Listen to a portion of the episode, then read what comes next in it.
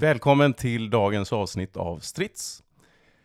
Världsläget idag är ju lite oroligt. Vi har eh, krig lite här och var och i Sverige pratas det mer och mer om försvaret och hur vi ska klara eventuella krissituationer. Och eh, eftersom varken du Darko eller jag har någon erfarenhet av detta så tänkte ju vi att eh, vi ville berika oss. Både du och jag smet ju från lumpen egentligen.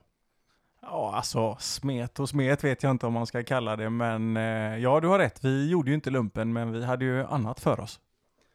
Ja, det var lite fotboll som var i, väg där, i vägen där. Det var inte så att vi var idealistiska eh, fredstänkare på den tiden i alla fall. Nej, det roliga var ju när vi mönstrade, eller när jag mönstrade i alla fall, så han ville ju skicka iväg mig till Karlsborg och jag bara, nej, jag vill träna. Mm. Hur som helst så kände vi någonstans att eh, vi, vi har en lucka här i och med att eh, vi inte har gjort lumpen och eh, så här i efterhand, då ville jag inte göra det.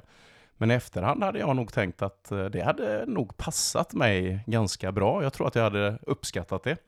Men vi känner ju här att vi har ju missat någonting och därför har vi bjudit in en gäst. Välkommen Kalle Olsen. Och man tackar, man tackar. Vem är du? Ja, vem är jag egentligen? Ja, jag är... Ja, jag är 51 år. Jag har en eh, Volvo och en villa, men ingen vovve. Jag jobbar som software architect som det heter. Jag håller på med mjukvara. Jag har gjort lumpen, så jag har gjort min allmänna plikt. Och jag har gjort mönstringen också. Det gick ju sådär kan man säga, men vad, vad blev du? du? Eller jag vet ju vad du blev. Du blev ju kustjägare. Ja, ja, kustjägare. Jag hamnade på amfibier. Jag tror inte det heter kustjägare längre. Jag tror de heter amfibieskytte nu. Det är lite annorlunda. Eh, men eh, jag hamnade på amfibie. Och det var ju egentligen var det så här att eh, jag gick på mönstringen ett år tidigare än alla andra eftersom jag skulle iväg till Kanada och spela hockey tänkte jag. Eller jag gjorde ju det. Men jag kom in där på mönstringen och jag höll på att göra de här övningarna. Jag kommer inte ihåg så mycket av mönstringen egentligen. Det jag kommer ihåg däremot var den där tanten som satt där. När man kom dit och så säger hon Om men vad vill du bli? Och jag sa, fasen jag vill ju inte ens göra lumpen så vad kan du ge mig då? Ja, så fick jag en utläggning där om att alla måste göra lumpen och det är ganska så krävande och bla bla bla bla. Men när du sa att det gick inte så bra på mönstringen, alltså det måste ju ändå ha gått bra för annars hade du inte kunnat hamna på amfibie. Nej men alltså i, i princip så hade jag ju ganska bra eh, liksom resultat sådär. Men eh, själva mönstringen var väl, när jag kom till mönstertanten där då, jag har för mig att det var en tant i alla fall. Men eh, då kom jag dit och så sa jag någonting om att nej, jag vill inte göra lumpen utan eh, jag vill helst eh, bara mm, glida runt liksom. Och då tyckte hon att eh, vi börjar om och vi, nu får du säga vad du vill. Och då började jag fundera och fundera och jag, så till slut så kom jag ju fram till, fasen jag vill ju sitta på en ubåt. så jag sa ju det till henne, ja men eh, ubåtstjänst. Och då sa hon, det kan du ju glömma. det var en person som kom till ubåtstjänst som någon signalist eller någonting. Och då skulle jag ju vara typ 30 år innan jag kom in. Men då satte hon mig på ett fast batteri ute på KA4. Fast batteri, det är en stor jävla kanon om jag inte fattar det helt fel då. Och sen så gick jag därifrån och tänkte att ja, ja, men det blir ju bra. Och sen så åkte jag iväg till Kanada och mitt under den här Kanadaresan så ringde mina föräldrar och sa att vi fick någonting från militären. Ja, du har blivit förflyttad. Du ska gå in på någonting som heter amfibie. Och då tänkte jag att ja, men det lät väl bra. Jag skiter väl i det. Ja, sen så kom jag hem där då, och så liksom efter några år så, så, så, så ryckte jag ju in då. Jag var ju långhårig och trevlig, jag såg ut så, jag hade man hade jag, jag kallade det manen då eftersom jag var ett lejon då, lite grann Zlatan kan man säga då. Så gled jag in där och så visade jag upp min eh, legitimation i, i luckan där som man ska visa upp då när man rycker in. Och så sa jag, ja, ska jag visst in här och jag ska göra på någonting som heter amfibie. Och så hör man det, man liksom, man lämnar in sitt sånt där ID-kort och så hör man hur det rasslar lite. Och så en metallisk röst som bara, ska du göra amfibie? Ja, så det står här på papperna. Om jag hade varit som dig så hade jag skjutit mig i foten den första dagen. Men, men du kan du får pausa det lite här nu. Du visste inte vad det innebar överhuvudtaget? Eller? Inte en jävla blekaste aning, kan Nej. jag säga. Och, och, och en, en, en annan grej här nu då. Din kroppskomposition. Nu ser ju inte lyssnarna dig, men om du tar lite vikt och längd på ett ungefär. Ja, Ja, nej men jag är, är 164, jag vill gärna säga 165. men gör det. det känns gör bättre. Det. Ja, det får du. Ja. Eh, och väger 63 kilo. Så jag är ju en eh, stadig bit på jorden här kan Ja. man säga. Och då är ju min fråga, vem i helvete retade du? ja, det kan man undra. Ja, det undrade jag också faktiskt. Men, men eh, det roliga var ju att sen när vi väl kom in då och vi ställde upp där i alla de här nya rekryterna ställde upp där i någon liksom eh, lokal där och och det kommer ut en gubbe, han skriker och gapar och lever helvete där då. Ja, jag tänker att ja, men det är okej då. Han får väl köra som sitt lilla race där då. Eh, Sen så skulle vi hämta ut våra grejer och så sprang vi ju ner till eh, förrådet. Och där hände det ju massa roliga grejer då. Men innan vi kommer in på det, Kalle, kan inte du förklara lite, vad gör amfibie?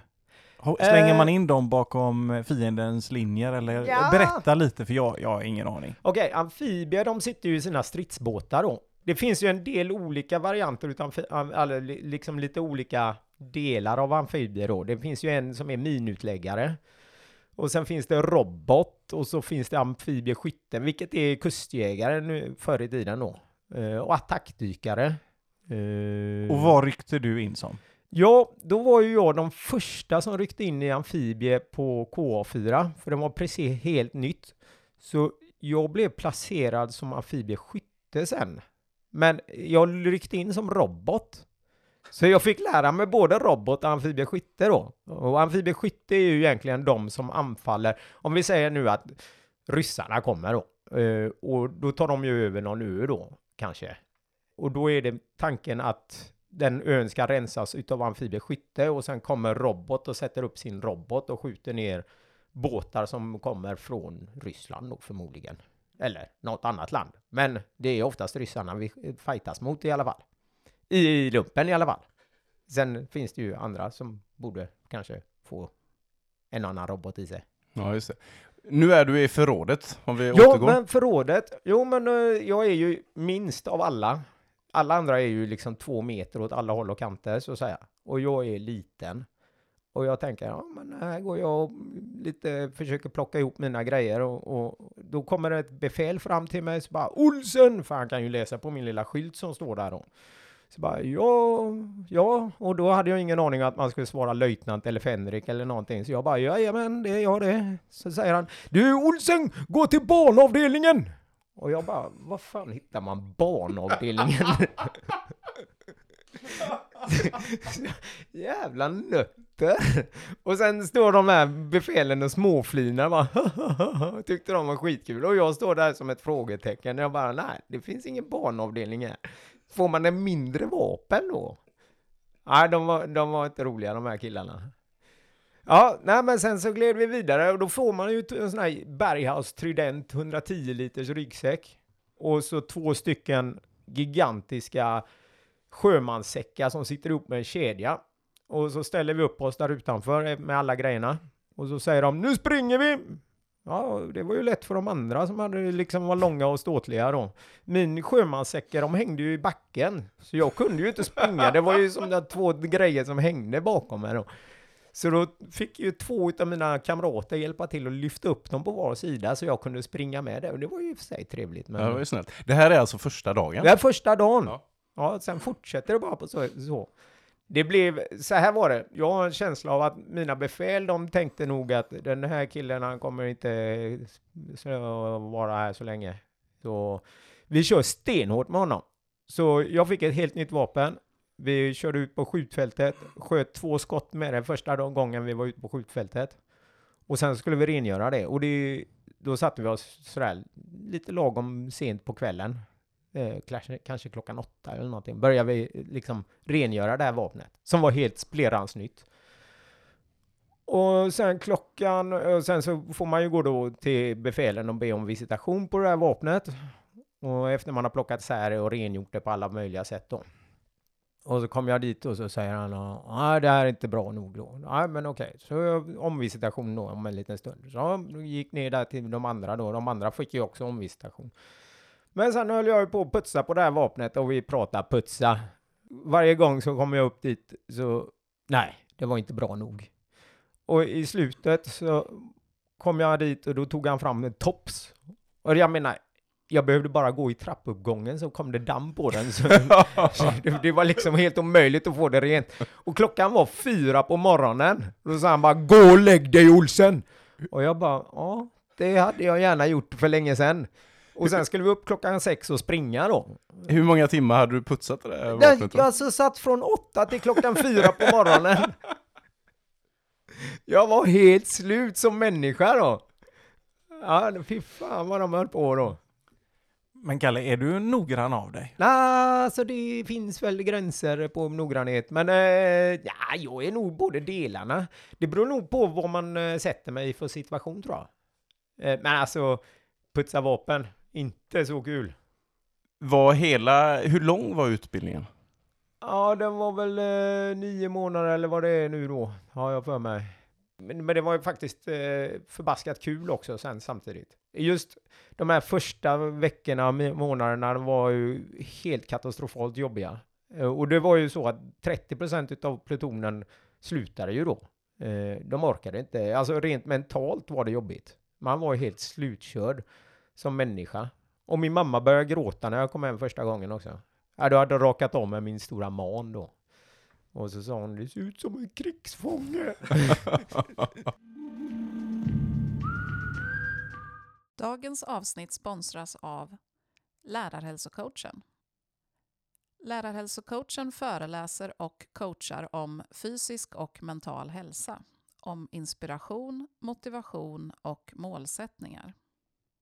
Lärarhälsocoachen är certifierad löp och rörelsecoach. Få hjälp med träningsupplägg och löpteknik för att undvika skador och för att få till en bra kontinuitet i din rörelse. Ta hjälp av lärarhälsocoachen antingen på individ eller gruppnivå. För kontakt och mer information gå in på lärarhälsocoachen.blogspot.com. Du kände ju att du blev lite specialbehandlad där. Var det länge du kände så eller var det bara i början? Nej, det var ett tag. Det hängde i ett tag och jag minns till och med dagen då det slutade. För då satt vi och, och jag, de höll på att raka mitt huvud. Och då kommer ett av mina befäl förbi, löjtnant Ialainen då. Kom förbi och så tittade han på mig och så sa han Olsen! Så bara, ja löjtnant. För då hade jag lärt mig att man måste säga ja. löjtnant. Har du tränat? Så ja, löjtnant. Du är krallig, sa han. Och så gick han. Ah, ja. det var något slags erkännande? Ja, det var erkännande.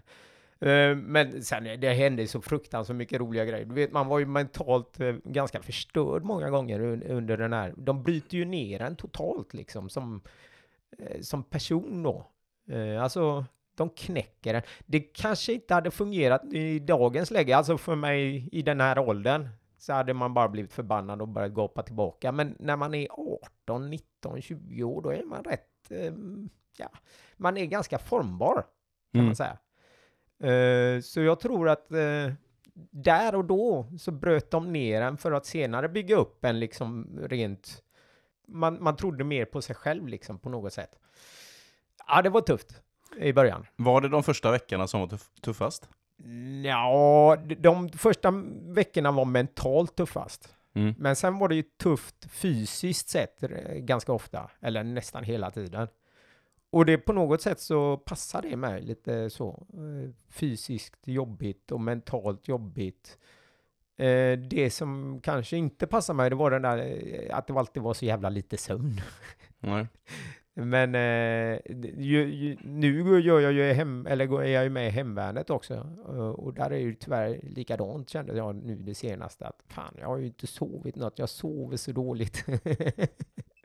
Men det är helt annat. Det är ju på en helt annan nivå då. Vi är inte, vi är inte så krigiska som vi var på den eh, när vi låg i lumpen. Mm. För faktum var att eh, jag hade nog, eh, om de hade skickat ut mig i krig så hade jag ju gjort det liksom. Alltså på den nivån var man när man låg i lumpen. Man, man var så fruktansvärt fokuserad på att hänga ihop med sina kompisar och göra rätt för sig och vi var ändå starkast och bäst och vackrast. Eh, på något sätt trodde vi det. Mm. Men då hade du egentligen huvudet med dig rent mentalt. Men det, alltså, jag, jag frågar ju om din kroppskomposition för att det var ju inte direkt så att du hade ja, men de fysiska förutsättningarna. Ja, men nog för att du var stark för din storlek, men det känns ändå som att det är inte den typen av person man väljer till den typen av tjänst. Nej, men jag tror att i, i princip så gjorde jag ju ganska bra ifrån mig på min mönstring då. Jag hade ganska bra resultat. I och med att jag skulle iväg till Kanada så hade jag ju tränat en del hockey innan. Ja, innan det så hade jag ju tränat liksom styrketräning för att få upp lite styrka och sådär. För min, min, min tanke var ju att bli hockeyproffs. Det var ju liksom då och då, då skulle jag ju bara bli det. Det kan man ju säga det sket Mm. sig rätt rejält. Mm. Ja, även där behövs det en kroppskomposition Ja. som är helt annorlunda mot min. Men det här att du då var mindre än alla andra, var det någon gång någon fördel? Eh, ja, det var det. Och, och det kanske man inte tänker på så ofta. Men eh, ofta så är det så här att vi höll på med någon övning eller någonting. Och så kom det någon blågul då som är typ eh, som en eh, domare i, man leker ju krig liksom. Så istället för att skjuta varandra så kommer det en domare och säger att du är död.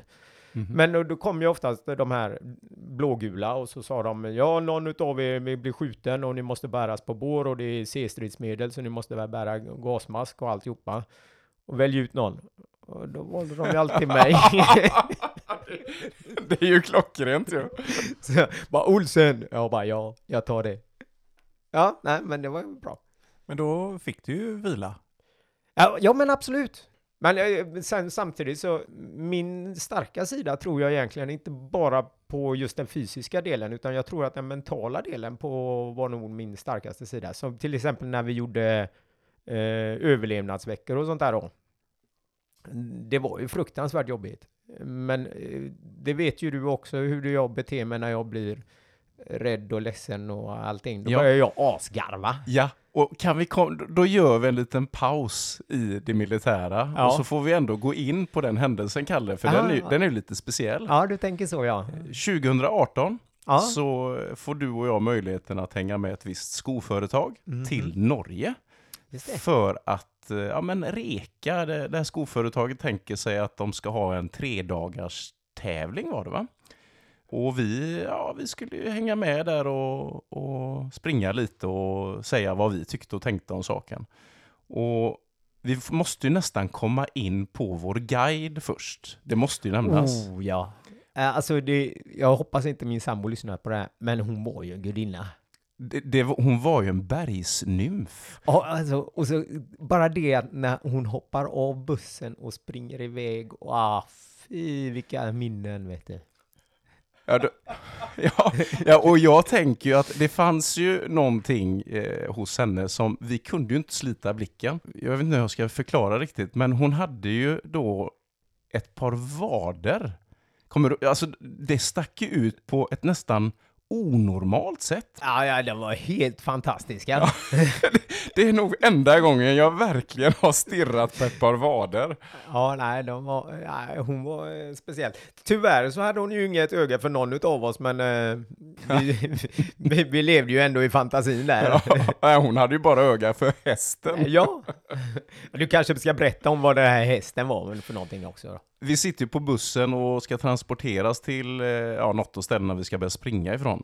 Och hon sitter ju längst fram där och jag minns inte om hon pratar eller någonting, men, men helt plötsligt så, jag vet inte om vi ropar till eller någonting, men plötsligt så kör vi ett chicken race, den här stora bussen, med en häst som kommer galopperande eller travande, springandes i alla fall, mot oss.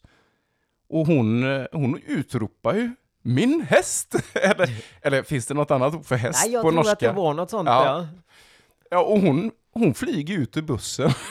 Och vi vänder oss om och ser hur hon jagar efter den här hästen. Ja, det var ju helt oförglömligt ju. Ja, ja, och sen så, sen så liksom, hästen har ju liksom ingen träning, eller vad heter de där grejerna som de har på sig, de här hästarna när de, man ska leda dem. Ja. Hon hade, den hade ju ingenting. Nej. Och hon bara tar tag i manen och så kommer hon springande med hästen i, eh, liksom, i manen där. Man bara, okej. Ja. Och, och hade vi inte redan fallit pladask så gjorde vi det där. Ja, det, det var ju helt overkligt. Sanslöst. Men åter till det här skrattandet. Ja, just det. Så stället, vi var ju vid eh, Röjkan vid Gaustatoppen. En av dagarna så ska vi upp till själva toppen. Eh, Och när vi tror att vi är på den högsta toppen så får vi veta att nej men det är det inte alls utan man behöver ta sig längs med den här, ja men det är som en sten, Bergskam är det. Ja, men en stenkorridor, en bergskam ja. Ja. Eh, där, ja, hur brett kan det vara? T- två meter? Tre? Alltså, jag, det kändes inte som två meter. Det var väldigt, väldigt smalt enligt min mening. Ja, och det var ju inte att det var plant eller rakt, utan man fick ju hoppa och klättra lite upp och ner för de här eh, stenblocken då ju. Mm. Mm. Och nu vet jag inte hur länge vi hade känt varandra, Kalle, men eh, du skrattar ju gärna och eh, ja, men vi tog oss fram där och vi eh, ja, kröp någon gång kanske, jag minns inte riktigt, men vid ett tillfälle då så är jag är ju framför dig och så tar jag mig upp på en, en sten. Ja. Och, och när du är på väg upp så jag, jag svajar till eller tappar balansen lite lätt. Vad händer då, Kalle? Alltså, då kom det någon sån liten känsla av att det, det här är, är nog inte okej för mig. jag har ju fruktansvärd höjdskräck, det ska jag väl erkänna nu med en gång. Ja, och det kunde du ha sagt till mig innan, Kalle. Alltså det är ju inte så att man, det, det, alltså jag, jag tänker inte på det förrän det är för sent.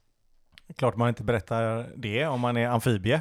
Nej, nej men precis. Ja, men alltså grejen är att jag, jag tänker inte på att jag har höjdskräck förrän det slår till. Och då slår det till ordentligt och då känns det som att nej, nu är det inte okej längre. Nej, Problemet blir ju då när reaktionen blir att du fnittrar som en liten flicka. och, och jag står där, men kom nu då. Och du, du bara fortsätter fnittra. Men vad är det för fel på, på mannen, tänker jag. Och jag sträcker ju ner handen för att dra upp dig. Och det är väl först då jag ser att du håller dig stenhårt om en sten där. Och ja, men sakta men säkert så börjar jag ju fatta, ja, jag- du säger ju någonting där också.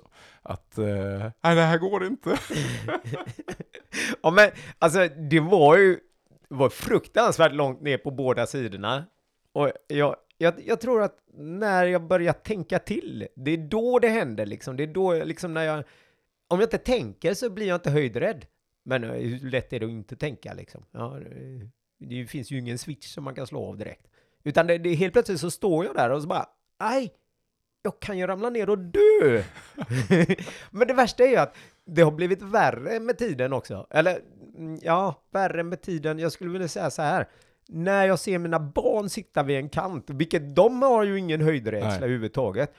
Då bara, man känner hur magen bara krampar. Man bara nej, vad gör de? Bara kom därifrån. Det, ni sitter på kanten. Och det är säkert inga problem för dem. Alltså, men, och det är säkert inte farligt heller. Men för mig, Mm. fasen, alltså det krampar verkligen. Och så bara nej, nej, kom härifrån, nu, nu går vi härifrån, nu, nu, nu går vi upp på någonstans där det är liksom säkert. Men eh, ja, nej, det, höjdrädsla är ingen eh, kul grej alltså, uppenbarligen. Ja, men jag håller med dig om åldern där, för att jag har väl aldrig varit höjdrädd, men nog 17 är jag det mer nu än tidigare. Och, Ja. och just den här känslan med ungar och sådär, och jag vet inte hur... Ja, vi har ju sagt att vi inte ska filtrera massa grejer här, men har, har du också känt den här känslan av icke-kontroll så att du har varit orolig för att du själv ska putta ner ungarna från... för, ja, men det, det, det har jag haft alltså, på riktigt. Ja, ja, ja, ja, jag förstår vad du menar. Jag vågar inte säga någonting. Ja, nej, det var en kul liten avstickare, men om vi eh, hamnar tillbaka till där vi slutade så var du ju lite grann inne på det här med det mentalt starka och så hur eh, ja, men det fysiska och att du hade ja, men vissa fördelar då med att du inte var så stor. Det var väl egentligen där vi slutade. Ja, nej men jag tror att den eh, största fördelen var väl eh, min mentala, eh, alltså mentalt så Jag har ju ett pannben uppenbarligen. Det visar ju sig att jag, jag ger mig inte liksom. Ja, men när märkte du av... Men så här, jag, jag tänker... Ja, vi har ju båda sprungit långt. Mm. Och många som har tänkt att springa långt så kan de ju ofta säga att ja, jag, jag, är, jag är stark mentalt. Och då kan jag ibland tänka, mm, vet du det? Eller tror du och hoppas du bara ja, på det? Ja, precis. Och då tänker jag, vad, vad hände något speciellt där som du kände att, ja men shit, jag är ju starkare här än många av mina kamrater? Eh, Ja, men det tror jag. Alltså om man tänker, det var ju överlevnadsveckan, där, där sätter ju allting på spel liksom. Där, där, där där allting är uppe i in the skies kan man säga. Liksom det, man mår dåligt, man sover ingenting, man äter ingenting. Och man bara går. Det var ju fruktansvärd upplevelse egentligen. Och jag kommer ju ihåg hur vi gick där och vi har all packningen på oss. Vi fick inte gå på vägar, vi fick bara gå inne i skogen. Och vi hade inte sovit någonting och så var, fick vi dela på den här förbannade radion som vägde bly och ton då, så att vi hela tiden liksom switchade över den mellan personer hela tiden då. Hur tung var packningen förutom radion då? Ja, det minns inte jag, men den var skettung. Ja. Det, det, när man ska gå på den här eh, överlevnadsveckan så var man tvungen att klä av sig då och så lägga ut allting på marken så att våra befäl fick gå förbi och titta så att det inte det låg några matbitar där i eller och sånt där. Så de kollade igenom allting så att vi... Men den, den var tung. Det var tungt att bära allting och det, framförallt efter tre, fyra dagar så när man inte har ätit någonting och inte sovit och bara druckit vatten.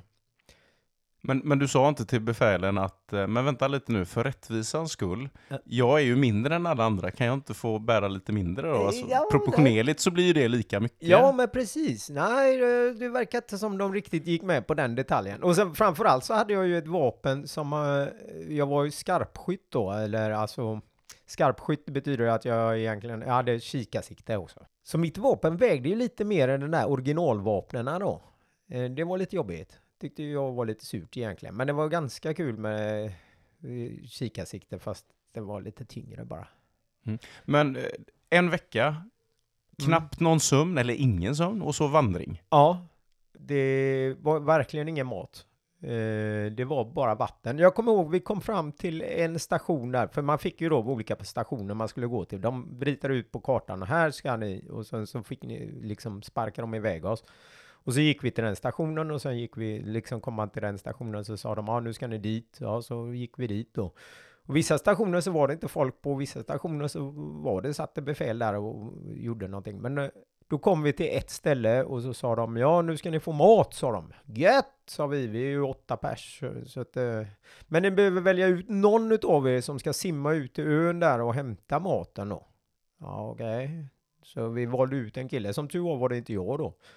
Och han simmade ut där och sen så simmade han tillbaka och han såg inte jätteglad ut när han kom tillbaka. Så bara, och ni fick tre ägg och två lök på åtta pers. så bara, ja, ja, det var eh, den maten då.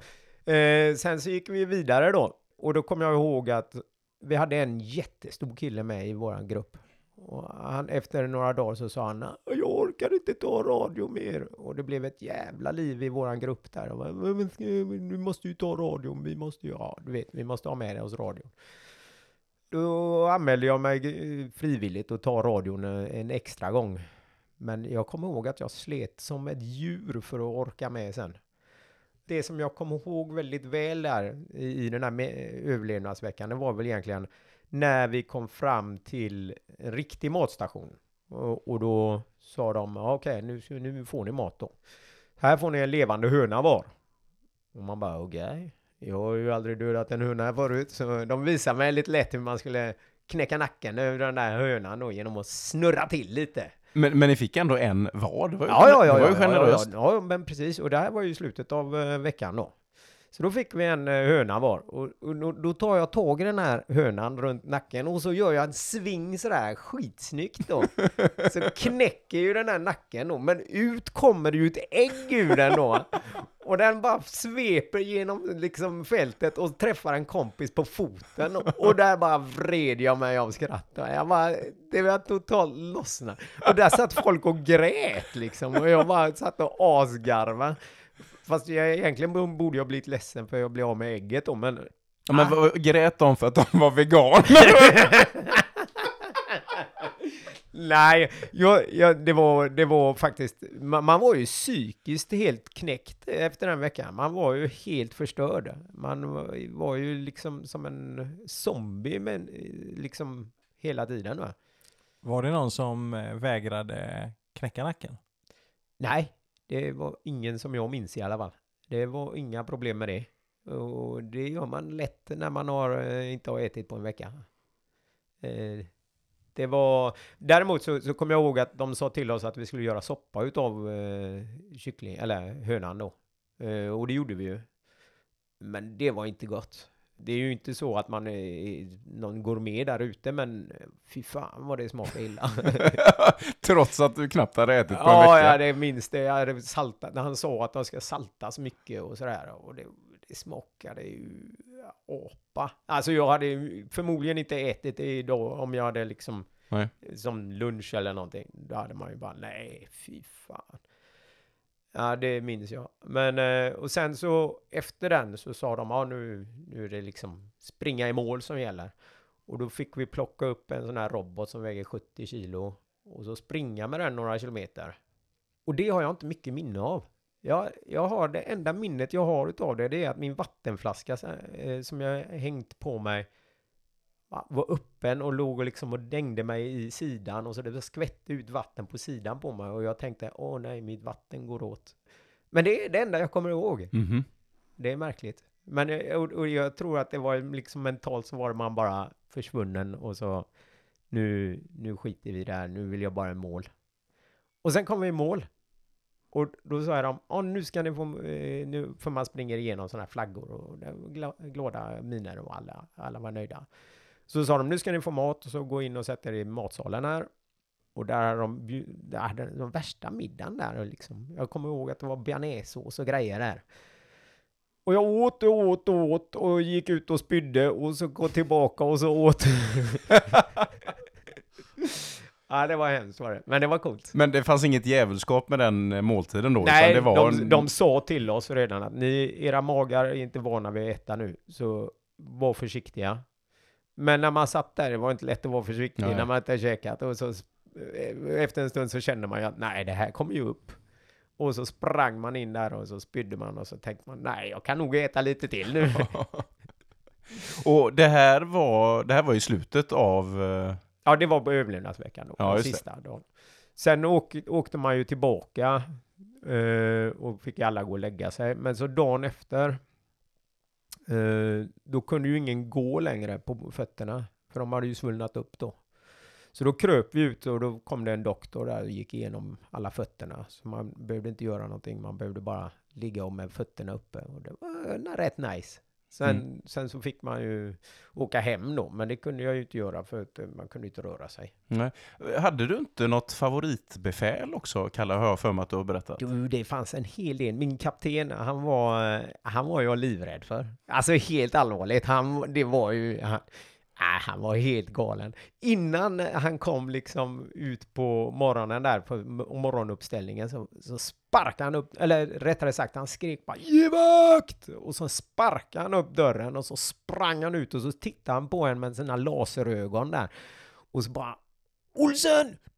Du är orakad 30 sekunder på dig! Och bara nej, okej. Man springer in och så bara försöker man ta sin eh, liksom rakhyvel och så slet man lite i den. Bara stora blodpölar som rann ner på kinden och så sprang man dit tillbaka och så bara Ja, 493 Olsen anmäler sig för omvisitation. Bara, ja, det ser bra ut. Och så står kompisen och bara stirrar på en. Det bara rinner blod ner för hakan. Han bara, ja, nej, men det gick ju bra. Men han kom väl att tycka om dig sen till slut, eller? Jo, han gjorde det. Han, eller ja, jag vet inte om han någonsin kan tycka om någon, men eh, det, ja, det blev ju ganska bra i slutändan. Jag kommer ihåg när jag skulle få mitt betyg där. Och då, då sa han, eh, du Olsen, eh, man fick ju sin tid då när man skulle komma in då. Och så knackade man på och så sa han Kom in! Hörde man där. Och så kommer man in så sitter de alla befälen på längst ett bord sådär liksom uppradade. Man kan nästan tänka sig en domars bord liksom. Och så säger den Sitt ner! Och bara okej, jag sätter väl mig ner. Och så bara Det här gör mig ont Olsen, det här gör mig jävligt ont! Och så bara tänker man nej, vad har jag gjort för fel nu då?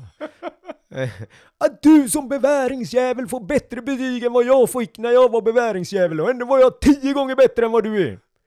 Ut! Okej, Okej, jag tror det var en komplimang. Men, men Kalle, vad fick du lära dig? Jag menar, Daniel har ju inte gjort lumpen och inte jag heller. Alltså jag är lite nyfiken, vad har vi gått miste om? Förutom att bli skällda på, men det kan man ju bli hemma. Nej men jag, alltså helt allvarligt så tror jag att jag växte upp som människa eh, ganska rejält under den tiden när jag gjorde lumpen. På, alltså, på vilket sätt då? nej men eh, alltså på det sättet att jag var alltså rätt lat och eh, vanlig jävla ungdom kan man säga. Jag hade inte, brydde mig inte så. Helt plötsligt så blev jag inkastad i det här turbulenta miljön då och helt plötsligt fick jag möta massa människor från, som man aldrig hade träffats i vanliga fall. Det var ju liksom folk som kom från alla möjliga ställen i Sverige och, och, och de här bara samlades ihop då och helt plötsligt så var var man tvungen att bli kompisar. Ja men så här efteråt, är det några speciella insikter som du kommer ihåg? Bara, ah, det där lärde jag mig jättemycket på liksom. Eller hur, Ja, men hur jag- människor är. Jag menar, du jobbar ju ändå bland Ja. människor. Nej, men jag, jag tror att det, det, själva den insikten var väl egentligen att man fick, jag fick ju ett självförtroende utav att klarat av hela den här passion då under de här månaderna som man låg inne. Och av att liksom komma därifrån och känna att, ah fan, jag fixar det där. Det är lite grann som när du gjorde, sprang dina 24 timmars eller vad var det? Alltså, det blir ju en någon slags självförtroende-boost på det hela. Upplever du att eh, militärtjänstgöringen har hjälpt dig någonting eh, i yrkeslivet? Eh, ja, disciplinen som var där, den kan jag ju fortfarande behålla i vissa fall. Men jag är ju inte så jävla disciplinerad, det ska jag ju inte säga. Men däremot så till exempel eh, kan jag ju sätta upp sådana här mål för mig själv då, att det här ska jag ha klarat av eller någonting. Och då på något sätt så går jag all in på den här delen. Och det tror jag jag lärde mig mycket av i lumpen också, att det här liksom att jag fixar det. Det, det liksom bara ger mig allt in i det så, så, så fixar man det. Men sen det är klart att eh, det var ett tag sedan jag gjorde lumpen också. Någonting som jag har märkt eh, på vissa företag det är ju att det blir ju en, en riktig sammanhållning. Framförallt om man har gjort eh, militärtjänsten om en, som samma typ av soldat. Jag tänker på ja, men jägare, om man har gått den. Det, det verkar vara en sju helsikes gemenskap. Oavsett om man känner varandra eller inte så är det typ bröderna. Ja, men, men så är det nog lite grann. Man vet ju vilket, vad den andra har gått igenom, för man själv har gått igenom det. Så då har man någon slags gemenskap på det då. Typ en gemensam nämnare där. För att Ja, det är ju inte precis. helt ovanligt att om, om man har gjort, om, men om vi tar jägare som ett exempel. Eh, om man har gjort eh, eh, militärtjänsten som jägare, det är inte helt ovanligt att man eh, upptäcker fler jägare i samma bolag eller i samma koncern. Nej, nej, men absolut. Eh, och det, det, alla har ju gått igenom den delen då. Eh, och, och på något sätt så har man ju då skapat en gemensam nämnare som du sa då. Man har en koppling till varandra som Ja, du har gjort det här och jag har gjort det här. Det är lite grann samma sak som om jag skulle springa 24 timmars eller 48 timmars eller någonting. Och jag träffar någon annan som har gjort det. Men det är ändå på en ganska låg nivå då. Om man har gjort det här under 10 månader då. Då har man ju väldigt mycket gemensamt så att liksom. Ja, man vet vad de andra har gått igenom lite grann. Har du kontakt med några idag? Ja, det har jag faktiskt. Eh, vi hade för inte så länge sedan så det var någon sån här ny KA4-dagen där de eh, återupplivade KA4. Och då fick vi ju faktiskt en inbjudan till KA4 att vara med. Ja, nu ska jag inte, jag tror att det var till så att vi frågade om vi inte fick komma in på... Så då träffades hela plutonen, eller merparten av plutonen. Och så hade vi en liksom en kväll, eller en dag och en kväll. Sen så har jag ju en, eh, ligger jag ju i hemvärnet och det är ju några stycken som är med i hemvärnet och, och, och där också. Så och sen så har vi någon eh, Facebookgrupp också som vi kingsar på varandra ibland då och då. Mm. Jag tycker det här är himla intressant, det du nämner att du har med dig från den här tiden. För att vi har ju haft, ja, det har ju varit väldigt upp och ner i Sverige med hur vi gör, med vilka ska mönstra och frivilligt eller inte och, och hit och dit och fram och tillbaka. Och nu har det väl stramats åt lite, eller hur, vad vi nu ska kalla det. Men de som förespråkar det här med mönstring och militärtjänst eh, går ju ofta in på precis de punkterna. Eh, att tvingas samarbeta med människor som man annars inte hade träffat alls. Och det här med att möta motstånd tillsammans och att det är väldigt utvecklande för alla eh, utifrån ett individuellt plan. Då. Och jag kan inte låta bli att tänka på hur, ja men som skolan och skolungdomar ser ut nu, så är ju allting så himla individualiserat och alla ska få precis som de önskar hela tiden och motstånd är ju sällan att det ska besegras och sådär. Vad tänker du om det här med mönstring och militärtjänst här och nu utifrån hur samhället ser ut? Nej, men jag, jag tror att det är jätteviktigt egentligen. Alltså, som rent konkret så tycker jag liksom att ja, jag, jag som människa, jag var rätt, vad ska man säga? Eh, jag var rätt mycket tråkig människa innan jag gjorde lumpen. Men jag växte upp en hel del. Jag liksom insåg att fan, man kan inte bara leva på en räkmacka liksom. Jag var en strulpelle under många delar utav mitt, eh, innan lumpen så att säga. Men på något sätt sen, sen efteråt så kände jag, nej fan, jag, jag kan det här. Jag, jag tror att självförtroendet kom där. Jag tror att många lider av ett liksom dåligt självförtroende när man är ungdom. Eh, Men där på något sätt, jag klarade det här. Jag, jag, hade fix, jag fixade det. Det var jobbigt, och det var slitsamt och, och vi alla slet tillsammans liksom. Du fick kompisar för livet som du aldrig hade träffat förut. Och vi har gjort det här tillsammans. Och nu kan vi fortsätta med livet. Fast lite bättre. Mm. För nu, vi trodde på varandra och vi trodde på oss- oss själva också. Mm. Det här, vi frågade lite grann vad du hade fått med dig av detta eh, när, ja, men i livet så att säga. Men jag tänker ju också på det faktumet att eh, du har ju, du har ju bannat, är det en eh, Ironman du har gjort Kalle, eller är det fler? Nej, det räcker med en. Ja, det, det räcker med en. Och den ska vi gå in på lite mer om en liten stund. Men, men jag tänker på att förutom den så har du ju också gjort en hel del andra lopp. Och du är ju lite känd för att verkligen maxa. Och, och det ska vi också ta upp alldeles strax här. Men känner du att du har haft med dig den styrkan då i ja, men träningen och löpningen? För du sa någonting om disciplinera förut och jag skulle säga att du är ju selektivt disciplinerad. Du är jäkligt träningsdisciplinerad till exempel. Ja, men precis. Ja, men det är ju lite det jag menar. Eh, alltså, selektivt disciplinerad, det är nog helt rätt. Mm. Nej, men tycker jag någonting är kul så går jag all in med det. Och, och, men och jag tror att jag vågar tro på mig själv lite grann när jag gör de här grejerna. Ja, visst, jag kommer inte bli världsbäst, det är ju inte så jag menar, men eh, jag tror på att jag kan klara av någonting. Men kan du härleda det till eh, lumpen eller är det ett personlighetsdrag sedan innan tror du? Nej, jag tror absolut att, eh, ja, visst jag hade väl pannben innan också, men eh, jag, eh, absolut så, så är ju lumpen en stor del utav det. I och med att jag, jag fick något slags självförtroende utav att ha klarat av det. Och när, när vi då ställer oss vid startlinjen i Bohuslän och ska springa då ett, eh, ja, det är ett, en tredagars eh, tävling.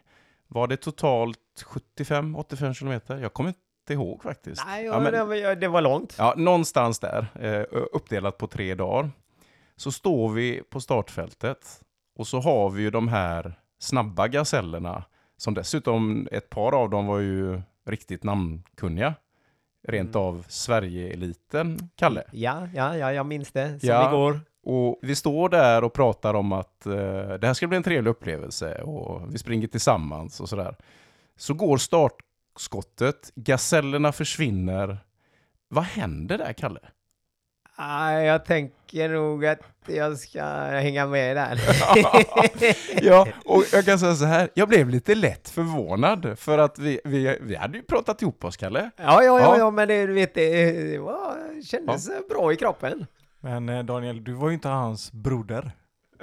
Nej, det var väl inte de heller, tänker jag. Men där försvann de och som skjuten ur en kanon så kommer Kalle precis efter klungan.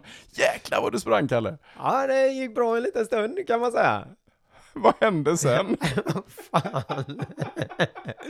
Nej, men jag hängde med bra där. Jag tänkte att eh, jag tar dem i slutet. Men sen så bara small det till. Ja, det gjorde det va? Ja, jävlar vad det small. Ja, det var någon, vaden gick sönder. Mm. Ja, det var, det var misslyckat. Men, men tänkte du på riktigt att "Ja, jag hänger på dem? Nej, jag har ingen aning vad jag tänkte. Jag tänkte bara, jag, fan det känns lätt i kroppen, jag hänger på. Du drogs med. ja, men lite så. Ja. Alltså, på något sätt så har jag ju, jag har ju någon slags tävlingssinne där, eller ja.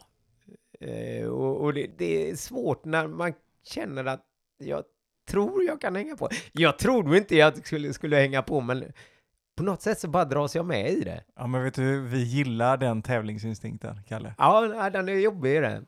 Ja, jag fattar inte hur du klarar av det, för att det här handlar ju inte om enskilda tävlingar, Kalle. Alltså, jag har ju i många år försökt få dig att liksom lufsa med mig. Alltså, ta det lite lugnt. Det, det är inte din, eh, alltså det är inte your cup of tea, så att säga. Nej, det är inte min cup of tea riktigt. Nej. Nej, jag, jag försöker och jag tänker så här att nej, men nu ska jag ta det lugnt. Det är samma när ni kör på Swift där nu då, så man tänker ja, men eh, jag tar det lugnt. Du får nog berätta vad Swift är. Ja, okej. Ja, för några år sedan så fick jag någon operation på foten och har väl inte riktigt kunnat springa riktigt lika bra längre. Det, det gör fortfarande lite ont där. Så då började jag med cykling, men eh, cykling inomhus då. För det kände jag ju att det passar ju mig rätt bra i och med att man har familj och grejer och det här går rätt fort liksom. Man bara kastar sig upp på cykeln och så cyklar man lite och sen så kan man tvätta av sig och så är man med i matchen igen liksom. Och jag behöver ju min träning. I och med att jag jobbar, sitter framför dator hela dagarna så behöver man träna liksom. Man behöver liksom balansera allting.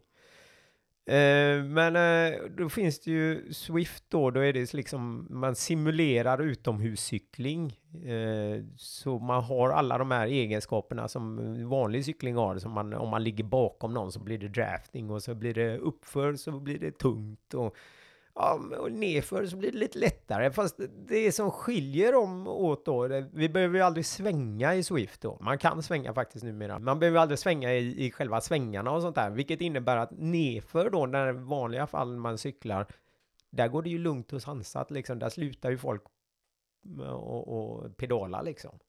Men eh, det gör man inte på Swift, utan där fortsätter man likt förbannat och då kan det liksom gå upp mot 100 knyck liksom. Men det spelar ju liksom ingen roll, man paddlar ju på ändå. Och detta väljer du att göra varje vecka. Lig- Du ligger där som ett ursketet äpple. Ja, nej, det, ja, det värsta är att jag gör det inte varje vecka, utan jag gör det fan varje dag. Ja, och visst är det så att eh, du gör det inte riktigt när som helst varje dag, utan det finns tider när man kan vara med och fightas mot alla andra. Ja, just det. Nej, men jag, jag är med i en, eh, en klubb då, eller eh, som heter Swedish Swift Riders. Nej, Swedish Swifters. Ja, Swedish Swifters heter de. Men jag är med i en liten subgrupp där som heter Oden då.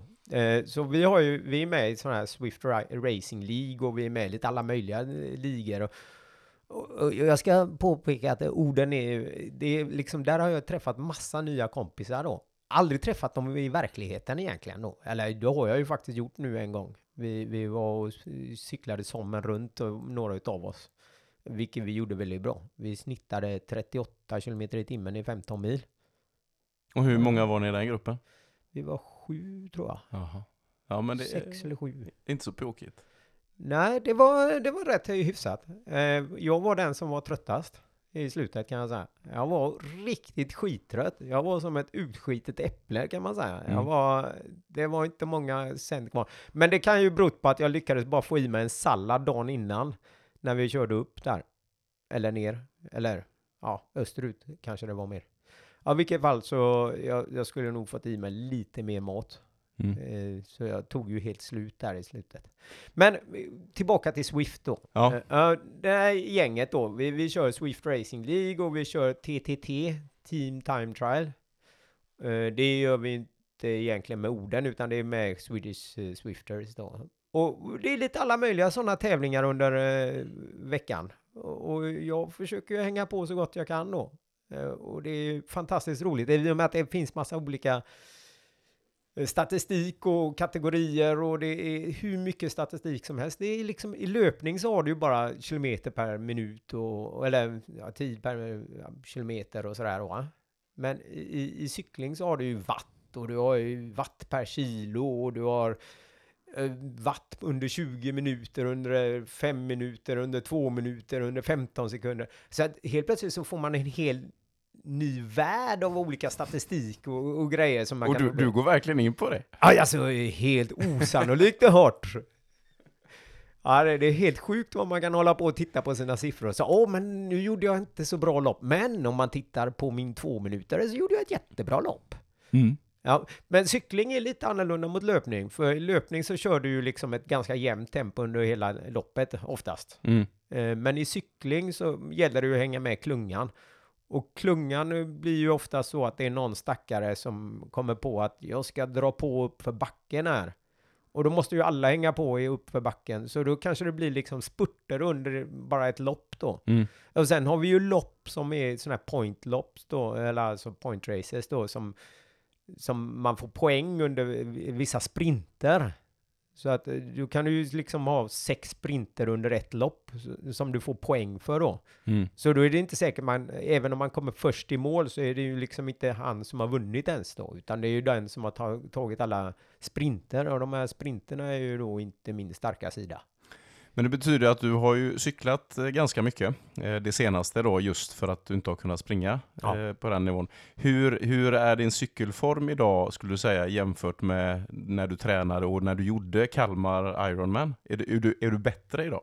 Alltså om jag hade cyklat som jag hade gjort, eh, om jag cyklat Ironman som jag cyklar nu så hade jag ju varit betydligt bättre. Det är som natt och dag när det gäller cyklingen. Kommer du ihåg vad du hade för tid på Kalmar? 10.30... Nej, inte helt. Du hade 10.45.06. Ja, ja, ja, Ja. ja. ja. Vet du varför jag har koll på detta? ja jag har för mig att jag slog dig. Gjorde det, Nej, din det är jäkel. inte så att jag har för mig, jag lever med det. Ja, och du slog mig alltså med 3 minuter och 18 sekunder. Det gör lite ont, Kalle. Nej, jag tycker det känns bra. Jag har skrivit upp det. Ja, hemma. ja, ja, jag, jag sitter vid, vid, liksom, när varje gång jag går och lägger mig så har jag satt upp eh, på ett ta- taket så jag lägger mig och tittar bara 3 minuter och 18 sekunder. Ja. Och, och det här gjorde du 2016. Det betyder att du då var, 25. just det, 25 var du då. Eh, Jag har ju faktiskt kollat upp det här lite närmare för att det, jag visste ju här, när man gör en sån här grej för första gången så har man ju ingen aning om vad man kommer ramla in på för tid ju. Man kan ju ha lite förhoppningar men man vet ju aldrig. Men jag har ju aldrig kollat våra olika tider på de tre olika delarna.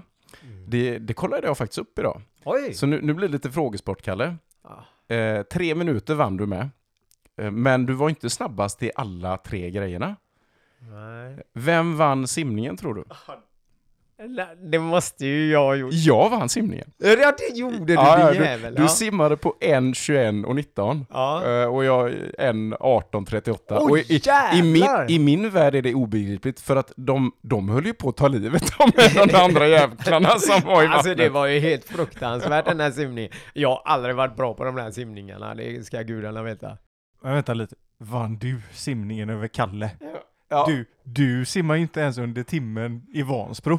Nej, nu, nu tror jag att du har nämnt detta i varje avsnitt här. Nej, men jag är ingen hejare på sim, simma, men... Nej, men jag är uppenbarligen sämre. ja, precis. Cyklingen? ja, det, jag minns inte alls vad jag hade för tid där. Fem timmar, nå, någonstans där. 5.30 kanske? Eh, 5.44. Ja. Eh, och vann du eller jag cyklingen? Ja, men då tror jag att jag vann där. Du? Det, det gjorde du inte. Gjorde jag inte det? Nej. Så att jag vann både simningen och cyklingen, men du vann löpningen och du gjorde det för 17 med 17 minuter. Det, Ah. Jag är djupt besviken på de här siffrorna när jag tittar på dem i efterhand. Men eh, hur mycket skilde det på cyklingen? Eh, Du hade 5.44, jag hade 5.36. Åh fy fan. Eh, och sen då så hade du på löpningen då, och då får vi väl ta det då att det är ju ändå en maraton eh, som du gör på 3.28. Det är ju inte så pjåkigt. Nej. Eh, och jag, eh, jag vet inte vad jag sysslade med, jag drog den på 3.44 då. Så att eh, det var ju, det var ganska stor skillnad på oss på Ja, löpningen. ja, men det var ju tur att du inte hade de här siffrorna när du höll på. Ja men eller hur? Jag, Då- hade, ju, jag hade ju brutit. jag har simulerat en skada ju. Ja men då, jag tänker att ja, jag- om du hade fått höra att ja men eh, Kalle han ligger med två minuter före dig i, i, i löpningen nu, då hade du ju ökat. Då hade du nog tagit mig. Ja men vi är ju båda överens om att jag är den bättre löparen Kalle. jo, jo, jo, ja, absolut. ja, numera är du väl nog det, säkert. Eh, Du Kalle, det har varit eh, grymt att ha dig här. Jätteintressant och alltid trevligt att dela skratt med dig. Det händer ju ganska ofta eh, faktiskt. Ja, du tänker så ja. Mm. ja. Vad blir det för middag Kalle? Du, jag har lyssnat på era poddar. Ni är så jävla duktiga, jävla pretentiösa människor. Men jag hoppas att du ska säga korv med bröd här nu. ja, men jag är någonstans där, korv med bröd, gubben. Eh, nej, jag vet faktiskt inte. Eh, idag har jag kä- käkat en pokeboll till eh, lunchen. En vad? En pokeboll? Nej, boll och bo- bowl. Alltså bowl, vet du, som en Är det- skål. En sån här salladsgrej man plockar ihop? Ja, det, nej, inte. Man plockar ihop och plockar ihop. Man går till kinesen där på Lindholmen och så säger man en pokebowl. Ja, du får ursäkta, min bror vet inte vad det är. Men jag trodde det var en sån, har inte alla matvaruaffärer sån här, man, man tar en skål och så fyller man den med sallad och ägg och Ja, vad ja, ja, ja, ja, men den, den brukar jag ta ibland också. Men eh, pokeboll är liksom bowl. Bowl heter det nog. Ja. Men eh, det är ju liksom snarare en... Eh, det är lax och det är lite avokado och lite sallad och, och ja, jag vet inte. Det är gott, gott skit Ja. alltså. Ja, nej men det låter gott, men du har fortfarande duckat middagsfrågan. Ja, nej men eh, sen så är det väl nog så snarare så att jag äter inte jättemycket middag när jag kommer hem. Eh, jag kom, brukar komma hem när barnen har ätit redan och, och alla andra har ätit och så då blir det liksom inte så mycket. Och sen så kanske jag och, och nu, nu måste jag säga det, jag tar någon macka och lite en kopp te och sen så är det klart sen. Det brukar jag göra efter jag har tränat då. Ja, okej. Bror, vad blir det för mat hos er då? Det blir, eh, vi, vi har ju, vi har blivit lite fantasilösa i maten på grund av lite olika saker, men nu har, bör- börjar vi ta upp lite gamla recept vi tycker om. Så att idag blir det ju en eh, fisk, flundra eller någonting, tillsammans med spenat och en himla massa parmesan in i ugnen. Det, det är riktigt gott faktiskt. Ja, ni hör ju hur pretentiösa de är. ja, men jag, hos oss eh, blir det ryggbiff. Mm. Ja, fan, Som vi, som vi snabbsteker i eh, panna. Och till det gör jag en svamp aubergine-röra med vitlök. Okej, jag tror att ni får ha någon kurs med mig, för jag är inte så bra på att laga mat. Det, du vet, det blir de här snabbgrejerna, mm, spaghetti och köttfärssås och sånt där. Jag är inte bra på att laga mat. Jag, ger, jag tar den smällen. Men det tänker jag att det var ju någonstans en inbjudan, för vi har gjort mycket roligt tillsammans, Kalle, men vi har nog aldrig lagat mat tillsammans va? Nej, det har vi inte gjort. Nej, men då får vi, då får vi ordna, ordna det på ja, något ja, sätt. Ja, ja, absolut. Du får lära upp mig. Ja, men jag tänker att vi börjar med inälvor så kan det bara bli bättre sen. Jag hör Kalle att du behöver komma och träffa mig istället. Ja, Det är ju jag som har fått feedbacken här. Jo, nu måste jag ju faktiskt erkänna att det var någon gång som du ringde mig och så sa du "Ja, jag har gjort leverpastej själv hemma. Aha, så tänkte jag, fan kan han kan jag. Jag gillar ju leverpastej. Så jag gick och köpte lever och, och gjorde det hemma. Och vet du hur illa det luktar? och inte nog med det. Och sen när jag väl hade fått den här leverpastejen, alltså då har man ju levt i den här lukten, så jag kunde ju inte äta leverpastejen. Så då ställde jag in den i kylen och sen stod den där och ingen ville äta den. Så till slut så slängde jag den. Ja, ja nej, men eh, vi har att jobba på här, Kalle. Mm. Kalle, stort tack för att du ville vara med. Tack själv. Underbart. Men eh, då återstår det väl bara för oss att säga smaklig måltid. Smaklig måltid och tack och hej. Ja, smaklig måltid då.